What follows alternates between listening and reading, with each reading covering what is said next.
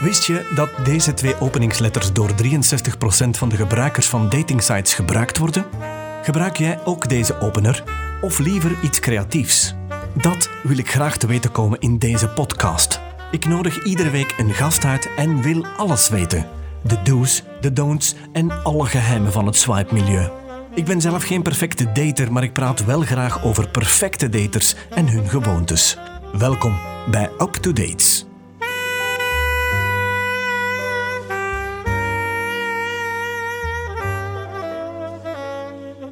Bij ons in de studio zit Kathleen vandaag. Zij is al zeven jaar single.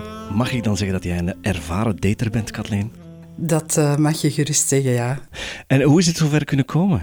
Dat is een moeilijke vraag. Oké, zullen we dan direct het hoofdthema erin gooien? Want in ons vorige gesprek was het heel duidelijk dat je graag zou willen praten over hoe het bij mannen gaat, hoe het bij vrouwen gaat. Jij zei mij, het draait alleen maar om seks bij de mannen. Klopt, ja. Mag ik dan zeggen dat vrouwen alleen maar op zoek zijn naar geld? Dat klopt ook, volgens mijn informatiebronnen. Dan is meteen mijn eerste vraag, is dat waar? Ja, mijn ervaring zegt mij toch dat, uh, laat ons zeggen, ik ga niet overdrijven, 80% van de mannen op de datingsites uh, ja, eigenlijk alleen maar op seks uit zijn. Zou het kunnen dat dat een megapatroon is, dat dat een megaconditionering is? Of is het zo dat jij zegt, nee, ik merk het eigenlijk elke keer opnieuw, dat venten, mannen, alleen maar dat ene ding willen. Ja, ik merk het elke keer opnieuw, tot mijn grote spijt, ja, inderdaad. Had jij dat vroeger ook al, dat idee, of is dat nu iets van de laatste tijd? Het is er eigenlijk altijd geweest, ja. Van bij het begin dat ik uh, ben beginnen daten op de datingsites, merk je dat, uh, je merkt dat heel snel. Als jij voelt dat het om seks draait, hoe reageer jij daar dan op? Dat is een beetje verschillend ook. Uh, in het begin liet ik mij al eens vangen. Hè. Hoe uh, beginnen mannen over seks? Je hebt er die dadelijk zeggen van... Ben je er nog voor te vinden? Doe je het nog graag? Uh, ik wil seks. Uh, ook, dat, er zijn die dat dadelijk zeggen. Er zijn er ook die rond de pot draaien. Uh, of die op een andere manier eraan willen geraken. Bijvoorbeeld door te zeggen, ik, ik kan heel goed masseren. Heb je geen zin in een massage? -huh. Of ik ben een, een echte knuffelbeer. Wil jij dat ook? Dat, dat, is, dat is hetgeen waar je in het begin, als je begint te daten, intrapt. En na een tijdje, uh, als je echt uh, iets serieus zoekt, zoals ik, dan, uh, dan zeg je heel duidelijk tegen die mannen van nee, ik zoek iets serieus. En ik wil niet met iemand in bed kruipen voor ik weet of die persoon ook serieus is. Is het echt duidelijk dat sommige mannen dat van, vanaf de eerste zin of vanaf de eerste dag meteen zeggen, ik zoek dit? sommigen wel, sommigen niet. Voor degenen die het dan lang rekken, die het subtieler doen, wanneer gaat er bij jou een belletje rinkelen? Je, je merkt dat aan uh, wat ze vertellen. Soms niet van in het begin, maar meestal gaat een gesprek die richting uit. En voel je aan wat ze vertellen uh, of zeggen dat, dat dat de interesses niet op een ander vlak liggen. Ze maken duidelijk eigenlijk wat ze willen. Je, je, kan, je kan zeggen dat je heel serieus bent, maar eigenlijk horen ze het niet. Dat ze horen het niet, inderdaad. Ze gaan ja. er los over, om het zo maar te zeggen, ja. en zij zijn op zoek naar hetgeen wat dat zij willen. Inderdaad. Oké. Okay. Maar aan de andere kant, godzijdank, zijn er nog andere mannen waarvan dat jij zegt, het gebeurt ook subtieler. Dat klopt, ja. De knuffelaar, zoals je zegt. Ik wil graag knuffelen. Of doe je het nog graag? Dus mag ik dan besluiten dat het gesprek heel snel altijd komt op seks? Ja, sowieso. En hoe ga jij daar dan mee om? Uh, ik probeer om het gesprek af te leiden. Ik word daar heel dikwijls mee geconfronteerd. Dus ik weet dat dat in 80% van de gevallen gaat gebeuren. Maar ik wil ook de andere kant van die persoon leren kennen. En ik probeer het gesprek dus af te leiden en te zeggen van... Ja, en verder, waar ben je nog in geïnteresseerd? En dan valt het heel dikwijls stil. of dan krijg ik antwoorden zoals... Ja, voetbal. Uh, mijn hond. uh, ik ga graag wandelen. Uh, maar de interesses zijn dan heel beperkt en daar haak ik op af. Daar knap je op af? Ja. ja Oké. Okay. Is zo één signaal voldoende als het duidelijk wordt wat hij wil? Of ga je toch nog dubbelchecken? Als een man voor mij te veel de richting uitgaat van seks, dan ga ik niet meer dubbelchecken. Hoe ga je er dan mee om? Dan zeg ik gewoon, uh, dit interesseert mij niet meer en dan stop ik met het gesprek. dan loopt het af. Ja, meestal. Maak jij duidelijk, of hoe maak jij duidelijk wat jij wil? Als ik merk dat een man niet naar mijn profiel gekeken heeft, wat meestal het geval is, want men kijkt naar een foto en men swipe links of rechts, hè, uh, dan vraag ik wel van, wil je dat alsjeblieft eens even lezen? Want dat is voor mij heel belangrijk. Uh, en dan krijg ik heel dikwijls het antwoord, ah ja, ik zal het even doen, want ik heb het nog niet gelezen. Dus helaas, afgaand op jouw ervaring, is het waar dat mannen alleen maar seks zoeken? Dat is helaas mijn ervaring, ja. Ja, maar we weten allebei dat het een beetje een patroon is. Dat is, ja, voilà. Want eigenlijk zouden we nu ook moeten kunnen onderzoeken hoe zit dat eigenlijk met het patroon dat wij mannen hebben, dat die vrouwen alleen maar geld zoeken. Weet jij daar ook iets van?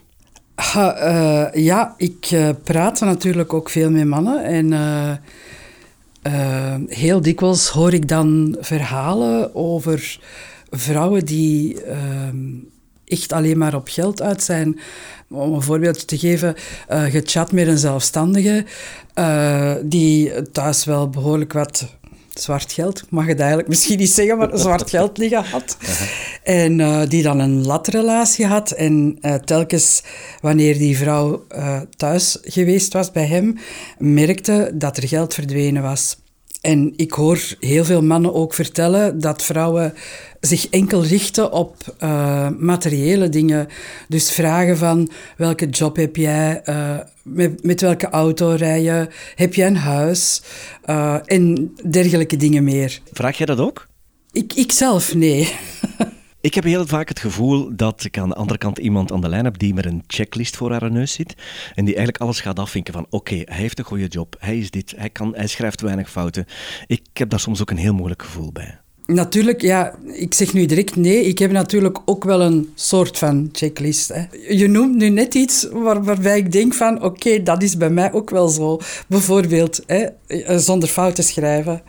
Dus ik kijk ook wel ik kijk ook wel op een profiel naar een foto en wat ik dan niet graag zie, is een man die in de zetel ligt met uh, zijn buik omhoog, een, een marcelletje aan en waar het borsthaar dan nog bovenuit uh, komt. Ouch. Ja, sorry, nee, dat is niks voor mij. Iemand die in, in zijn eerste zin 50 fouten schrijft, is ook niks voor mij. Dus dat zijn inderdaad ook wel checkpuntjes, hè. Dus je hebt ook zo'n lijst die je gebruikt? Niet echt bewust een lijst, denk ik. Maar er zijn natuurlijk dingen waar, waar je op afknapt, dat, sowieso. Ik vraag me dan af, zitten wij dan niet op het verkeerde medium? Zijn we het soms niet beu? Zeer, zeer zeker.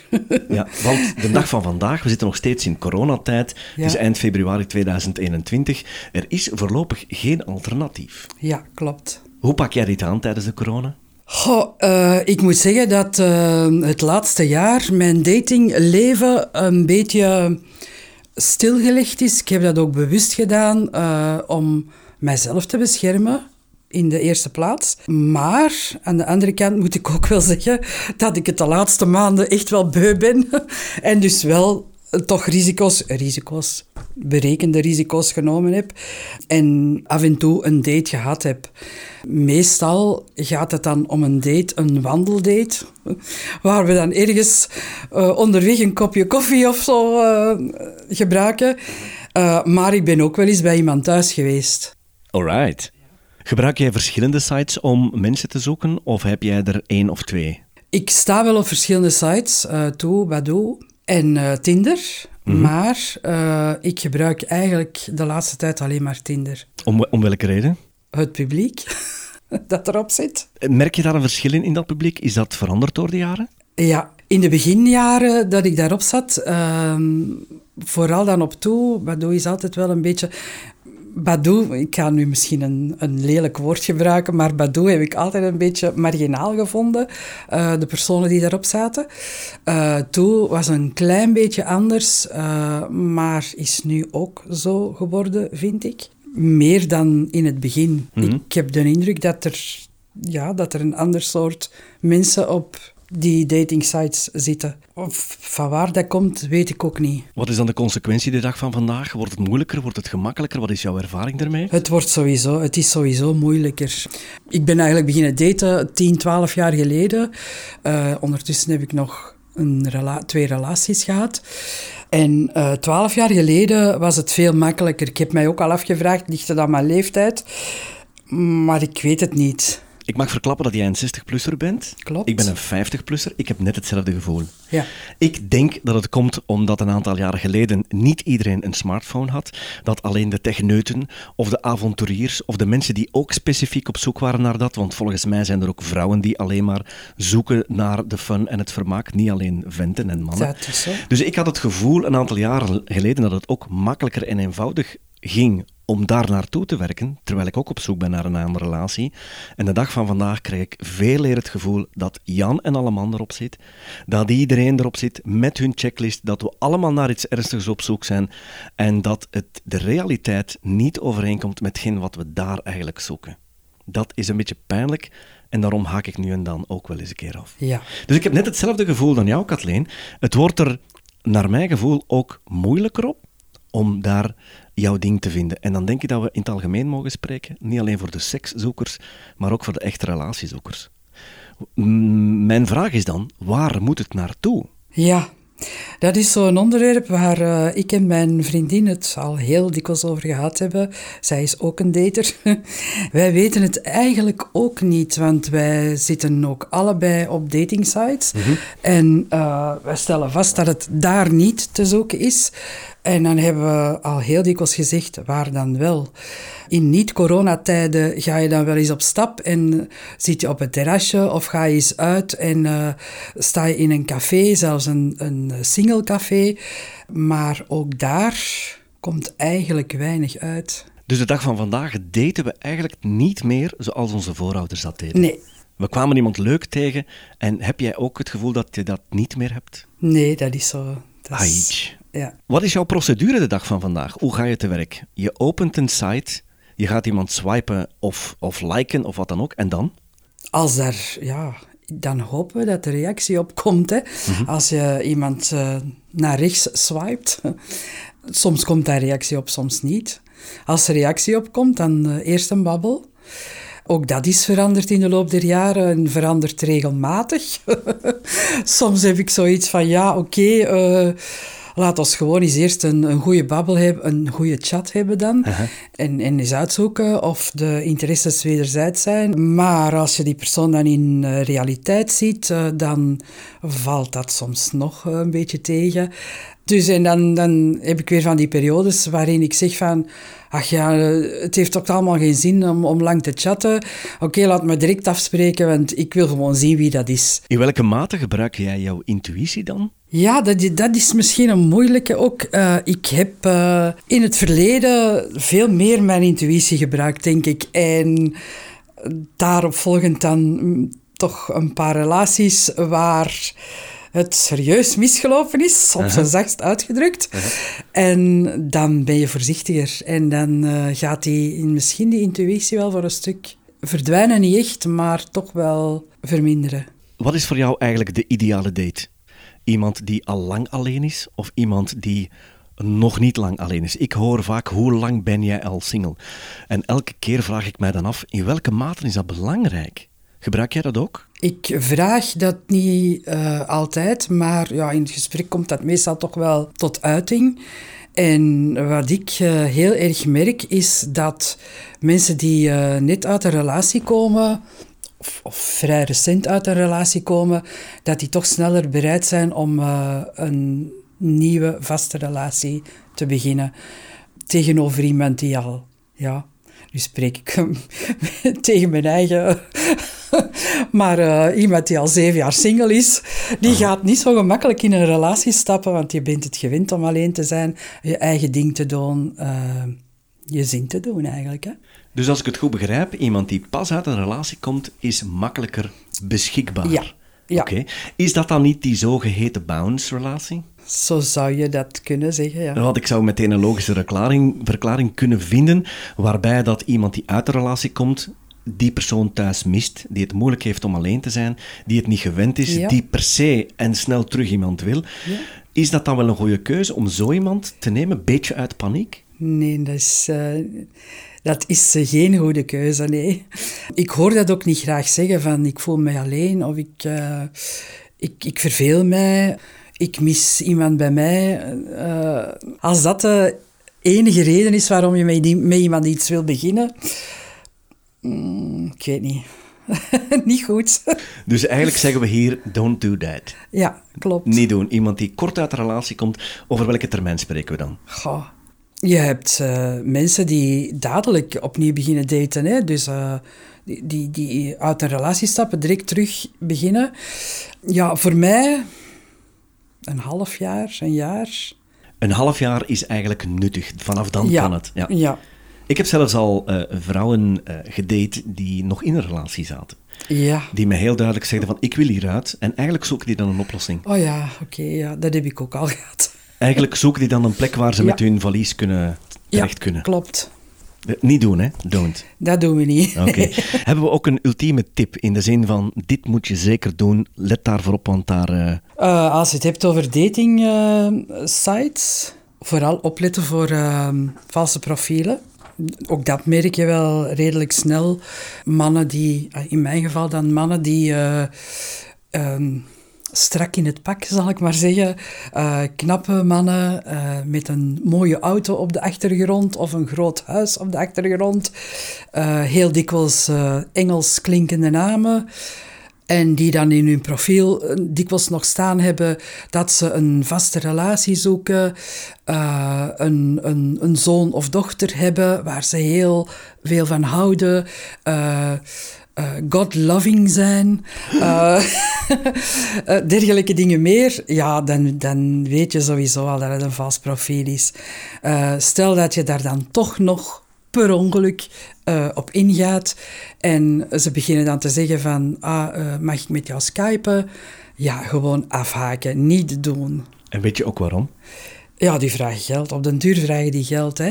Uh, heel dikwijls zijn het zogezegd uh, zakenmensen die heel de wereld afreizen, dan op een bepaald moment ergens in een of ander apenland terechtkomen, uh, vastgezet worden, dan moeten ze geld betalen en ik heb hier geen geld bij. En dan vragen ze aan jou van, wil je alsjeblieft geld storten? Mm -hmm. Ik ben zelfs nog een stapje verder geraakt, denk ik. Ik heb uitgezocht waarom zij Skype gebruiken en niet bijvoorbeeld WhatsApp. Skype geeft jou de mogelijkheid van het moment dat je een gesprek, een videocall doet, dan kunnen zij vanuit hun kant een filmpje lanceren. Dan kunnen ze zich enkele seconden tonen in de hoedanigheid van de persoon waarin ze zich voordoen. Bij WhatsApp gaat dat niet. Bij WhatsApp kan je geen filmpje starten, daar is het de livecam of niet. Bij Skype kan je even een filmpje starten en ik heb zo iemand ontmaskerd. Ja, echt? Oh, dat was zo superleuk. Superleuk. Ik, uh, ik voelde het en ik dacht, ik ga dubbelchecken. En die man was zo goed getraind.